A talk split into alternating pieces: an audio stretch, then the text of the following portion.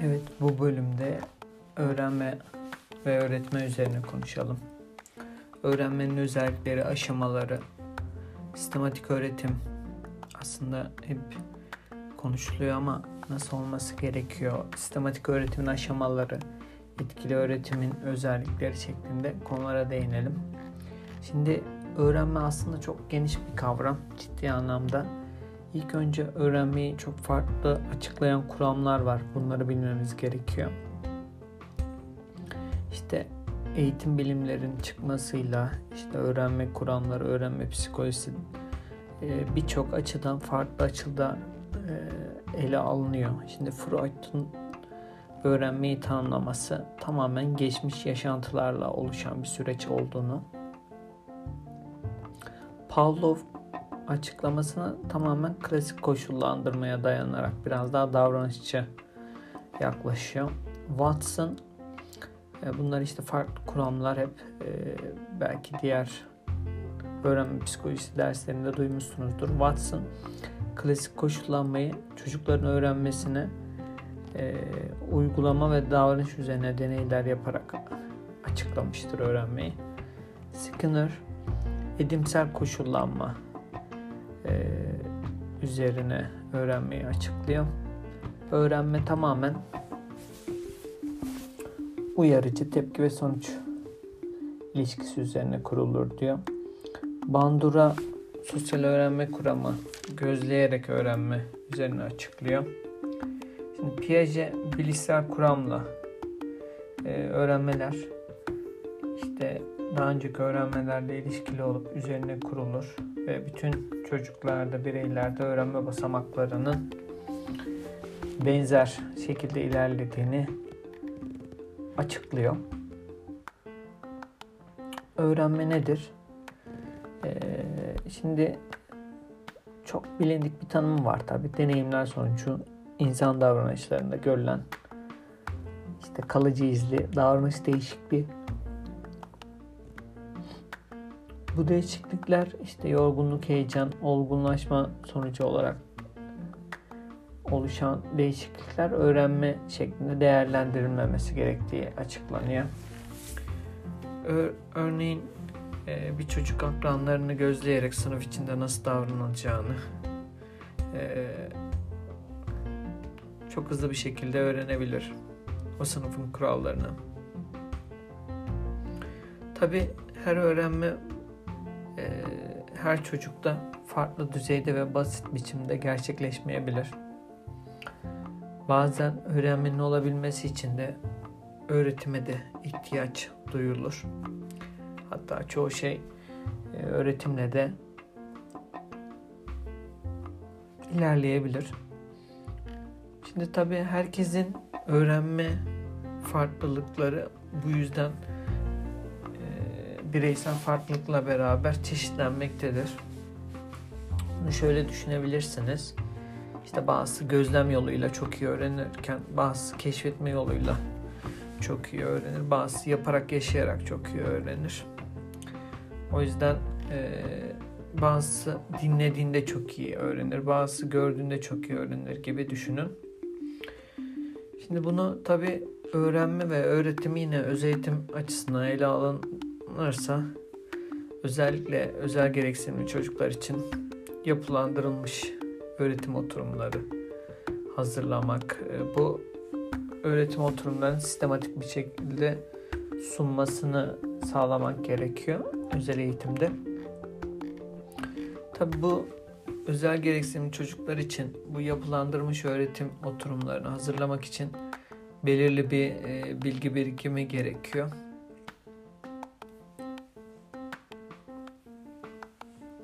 Şimdi öğrenmenin özelliklerine bakarsak öğrenme, öğrenci davranışının öğretimden sonra değişiklik göstermesi. Ee, burada tabi öğrenci herhangi bir davranışı öğretimden sonra değişiyorsa öğrenmenin hemen olduğu ya da başka bir şeyden etkilenmenin olmadığını iyi bir araştırmak lazım. İşte tam öğrenme modeli var. Ee, çeşitli öğrenme modelleri var işte öğrendiyse benzer şekilde kavrayabilir. Açıklar anlamında kullanılabiliyor birçok model. İşte öğrendiyse onu başka yerde kullanabilir, genellemiştir şeklinde. Şimdi burada tabi öğretimde ilk önce e, şöyle düşünüyoruz. Belirgin olarak üzerinde durulan öğretimde bir davranış var ya da beceri gibi düşünün. Bu davranışa o öğretimde e, öğretmemiz gereken hedef davranış şeklinde açıklıyoruz. Davranışta gözlenebilen, ölçülebilen özelliği olan tepkiler şeklinde açıklayabiliriz.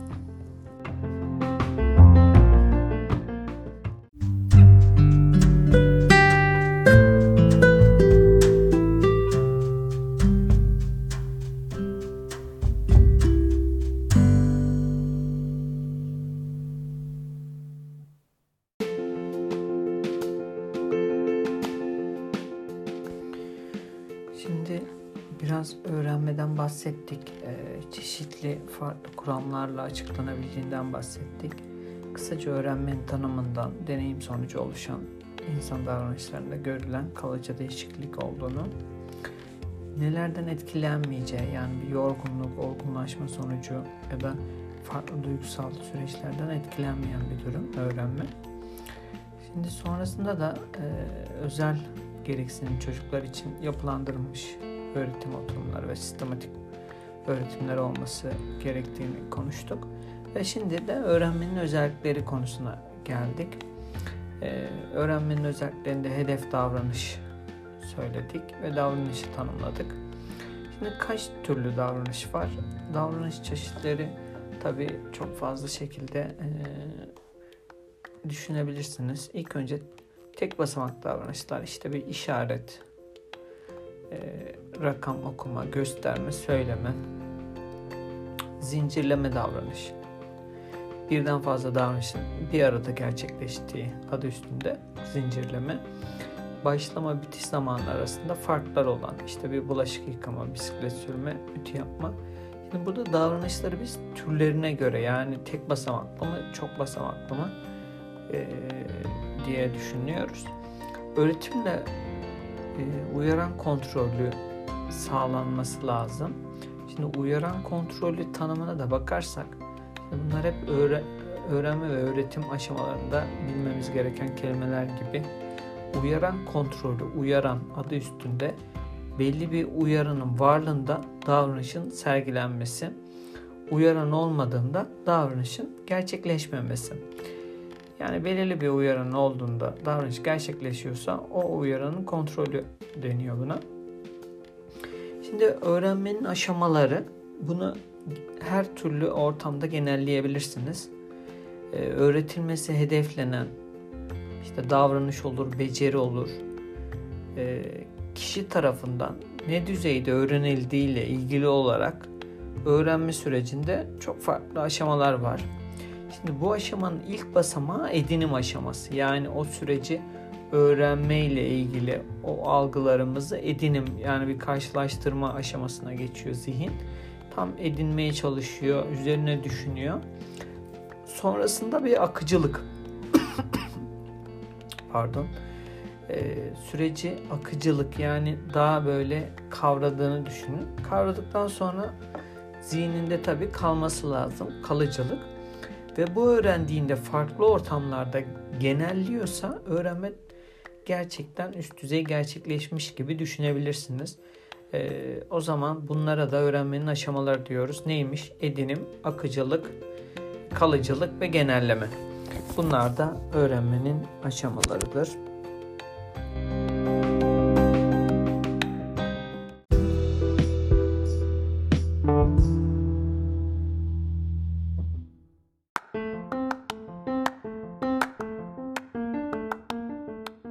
Edinim ile devam edelim. Edinim bir bireyin daha önce yapmadığı bir davranış ya da beceriyi belli bir doğrulukta yapma düzeyidir. Şimdi öğretimde edinim aşaması tamamlandıktan sonra öğretim programlarında ya da işte öğretim sürecinde akıcılık, kalıcılık ve genelleme aşamasına e, yer verilmesi son derece önemlidir. Yani bir edinim gerçekleşmeden bir hız ya da akıcılıkla ilgili çalışma yapılmaması gerekiyor.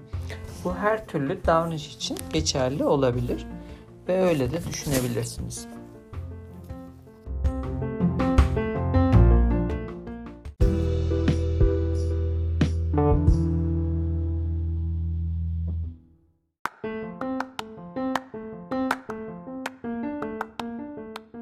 Şimdi edinimi kolaylaştıran etmenler olarak yani öğretim sürecinde başlangıcında öğretimi yaparken gerçekten de öğrencinin dikkatini sağlama konusunda konuyla ilgili bir merak uyandırma konusunda e, biraz tecrübemizi arttırmamız lazım ve öğrenciyi iyi tanımamız gerek, gerekiyor.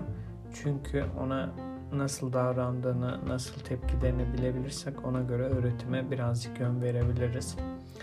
Bu yüzden e, edinimi kolaylaştıran etmenler sonrasında tabi e, anında geri bildirim verme, tepkisine ilişkin, ilişkin geri bildirim ya da düzeltme ya da işte çeşitli şekilde pekiştireç verilebilir.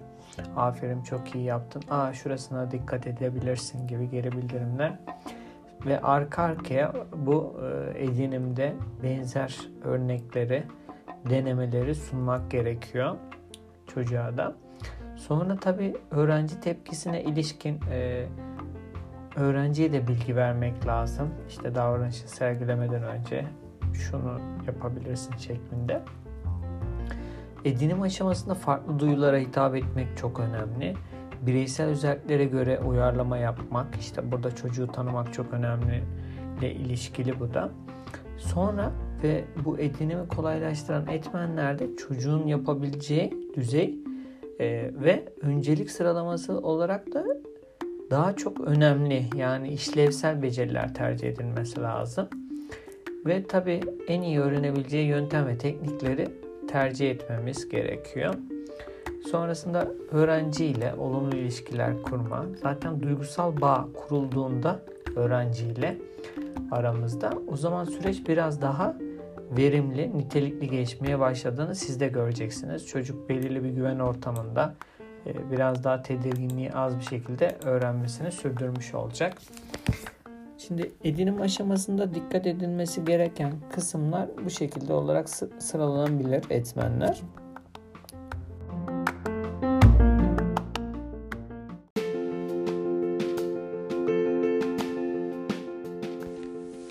Evet, şimdi de edinimden sonra akıcılıkla ilgili biraz e, konuşalım. Akıcılık yeni öğrenilmiş davranışı ya da beceriyi öğrencinin artık e, hız olayıyla yani daha akıcı, daha kolay bir şekilde yapabilmesiyle ilgili. Şimdi bunu zihnimizde düşündüğümüzde yani bir davranış, bir beceri nasıl akıcılık kazanır? Tabii ki tekrarlanarak gibi düşünüyoruz. Evet benzer bir cevapla e, sizler de akıl yürütebilirsiniz. Bu yüzden akıcılığının sağlanması için davranışın özellikle edinim aşamasının e, belirli bir doğruluk düzeyini kesinlikle gelmesi gerekiyor ki e, doğru bir şekilde hızlanmada gerçekleşsin.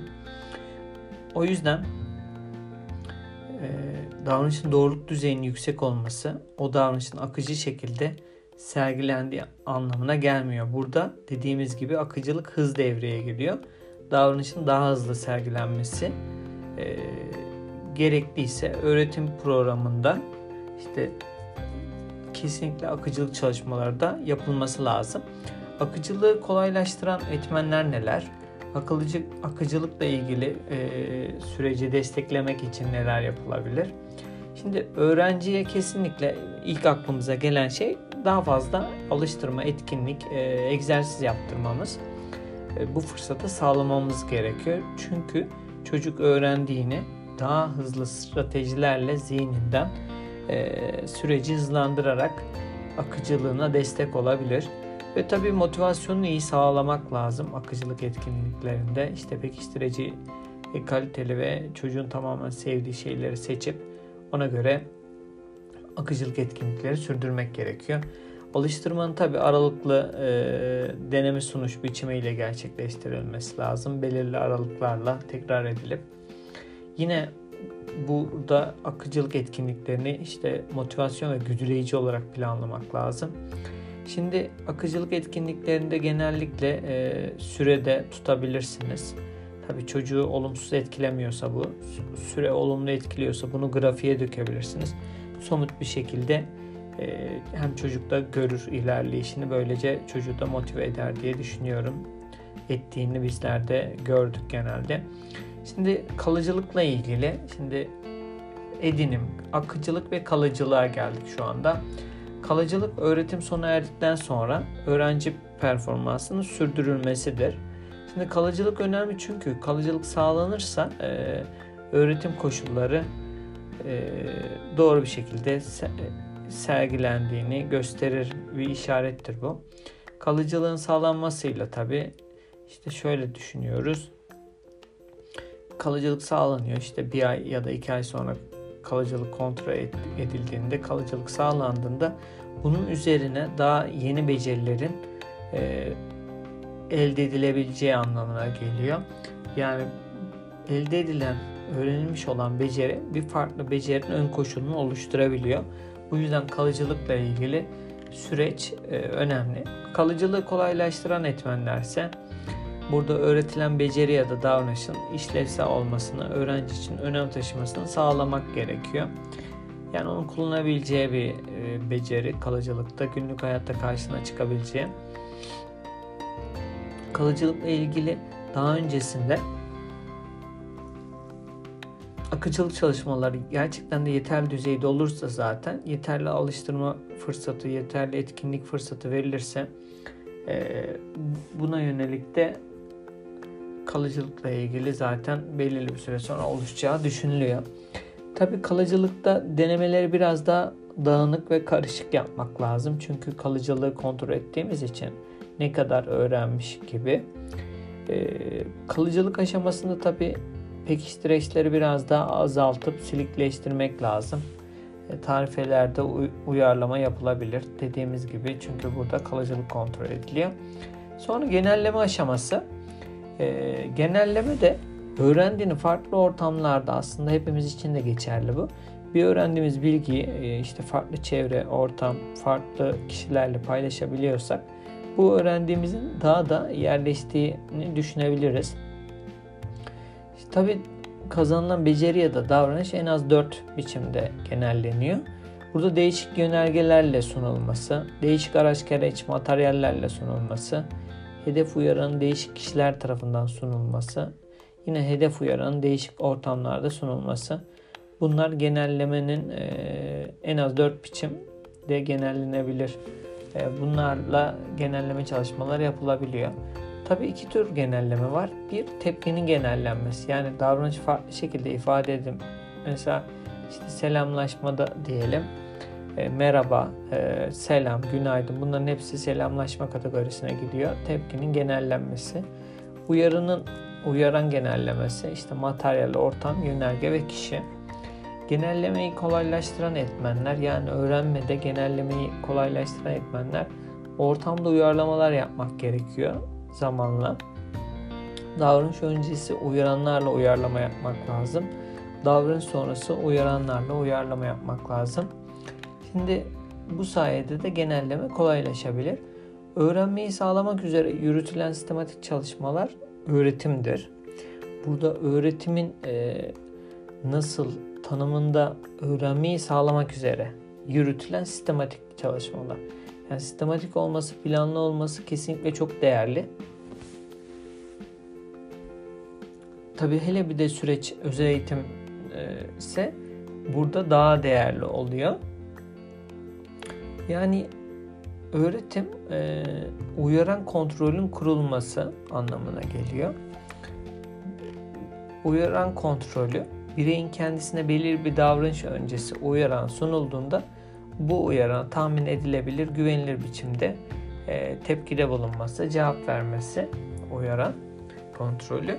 Bir hedef uyaranı sunulması ya da ortamda var olması nedeniyle bireyin kendinden beklenen davranışı sergilediği için pekiştirme pekiştirilmesiyle kurulur uyaran kontrolü.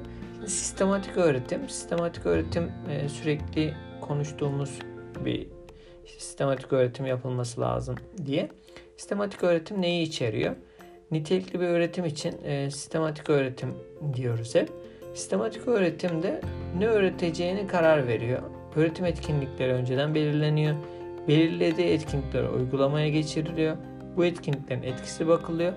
Davranışta istendik yani yönde e, kazanımlar gerçekleşmiş mi kontrol ediliyor. Tabi burada e, aile ve öğrenci görüşerek öncelikli gereksinimler belirlenmesi süreci de kolaylaştırır. Sistematik öğretimin aşamaları program içeriğini belirlemek, programa dayalı e, süreçte bir değerlendirme yapmak, program planlamak, uygulamak üzere işte disiplinler arası bir ekip oluşturmak, bireysel eğitim planı hazırlamak, programı uygulamak, gelişimi kaydetmek, düzenli aralıklarla gelişimi değerlendirmek. Yani sistematik öğretim e, program sürecine hakim olmak gibi düşünebilirsiniz. E, program içeriğini belirleyince, çocuğa hangi davranışların becerilerini öğretince karar verince sistem biraz daha e, hedefinin belirlenmiş olması, hedef odaklı olması, programa dayalı olması, işte belirli aralıklarla değerlendirmenin yapılması, belirli amaçların e, ortaya çıkması, bu amaçlar doğrultusunda bilgilerin toplanılması açısından e, sistematik öğretimin aşamaları bu şekilde oluşmuş oluyor. Şimdi tabi e, süreç biraz kapsamlı.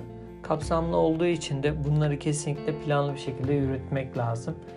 Yoksa e, süreci verimsiz e, geçirme daha kolaylaşıyor bir planımız olmadığında. Şimdi etkili öğretmen özellikleri e, bu konu şöyle biraz öğretim yeteneği bence e, hem gelişebilen hem de e, hem doğuştan e, bazı insanların öğretim kabiliyetinin iyi olduğunu düşünüyorum. Bunun sebebi de şu. Bazı insanlar kendisinin öğrenme biçimini birçok kez sorguladığı için ya da bir başkasına öğretirken neyi bildiğini, neyi bilmediğini çok iyi ele alarak bu öğretim sürecinde çok iyi uyarlamalar yapıyor. Uyarlamaları çok iyi yapabilen dolayısıyla öğretmenler biraz daha çocuğun seviyesine uyarlama yaparken daha deneyimli hale gelmiş oluyor. Bu da tecrübe olarak öğretim sürecini kaliteli ve etkili yapıyor. Şimdi öğrenci davranışlarının yönetimi, öğretimin sunulması, öğretimin kaydedilmesi, e, öğretim sonrasında tabi geri bilimde bulunması. Bu kısımlar çok önemli. Davranış yönetimi, öğretimin sunul, sunuşu mesela kesinlikle öğretimi çok hızlı, e, yüksek düzeyde etkileyen bir şey. Öğretimin sunuşu bir meraklandırdığımızda bir işte içine oyun yerleştirdiğimizde ya da süreci daha eğlenceli hale getirdiğimizde çocuklar e, kesinlikle öğretim sürecinden hem tat alacaktır hem de öğretmen tat alabilir bu sürümden. Kendisinde süreci verimli geçirdiğini ders sonunda zaten hisseder. Öğretimin zaman yönetimi konusunda kendisini planlaması lazım. E, bu da tabi işte dersin belirli bir dakikası var. Öğretimi e, zihninde planladığı ya da programda planladığı gibi hazır bir şekilde yapabilmesi için bir önceden bir plan yapması lazım. İşte öğretim için ayırdığı zaman e, yetecek mi? Buna yönelik işte değerlendirme yapabilecek mi? Ya da arasına geçiş etkinliklerini et, ekleyebilecek mi gibi. Burada da öğretmen zaman yönetimini iyi bir şekilde kullanması lazım tabi. Aynı zamanda bu süreçte e, işte öğretim yaparken olsun öğrenci davranışlarını gözlemleme, işte uygun olan davranışlar, uygun olmayan davranışlar, davranış kon- kontrol ilkelerinde kullanması lazım.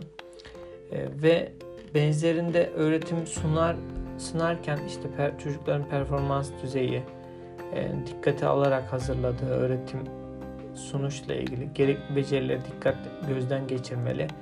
Ders içeriğini, gerekli becerileri öğrenciye dikkatlice sunmalı geçişleri hızlı ve etkili bir şekilde sağlanma. Yani çocuklar kopmaması gerekiyor dersten başka bir etkinliğe geçiş yaparken. Öğretimin kaydedilmesi işte çeşitli aşamalarda verileri kaydetme açısından çocukların performansına bakılması açısından işte öğretim yaparken çocuklara sunulan geri bildirimler e, ve süreci tamamen öğretim sonunda da elde edilen geri bildirimler sonrasında öğretim nasıl gerçekleşmiş gibi kendinizde bir öz değerlendirme yaparak öğrenme ve öğretim sürecini tamamlayabiliriz. Ve bir sonraki ders için de hazırlıklar yapılabilir.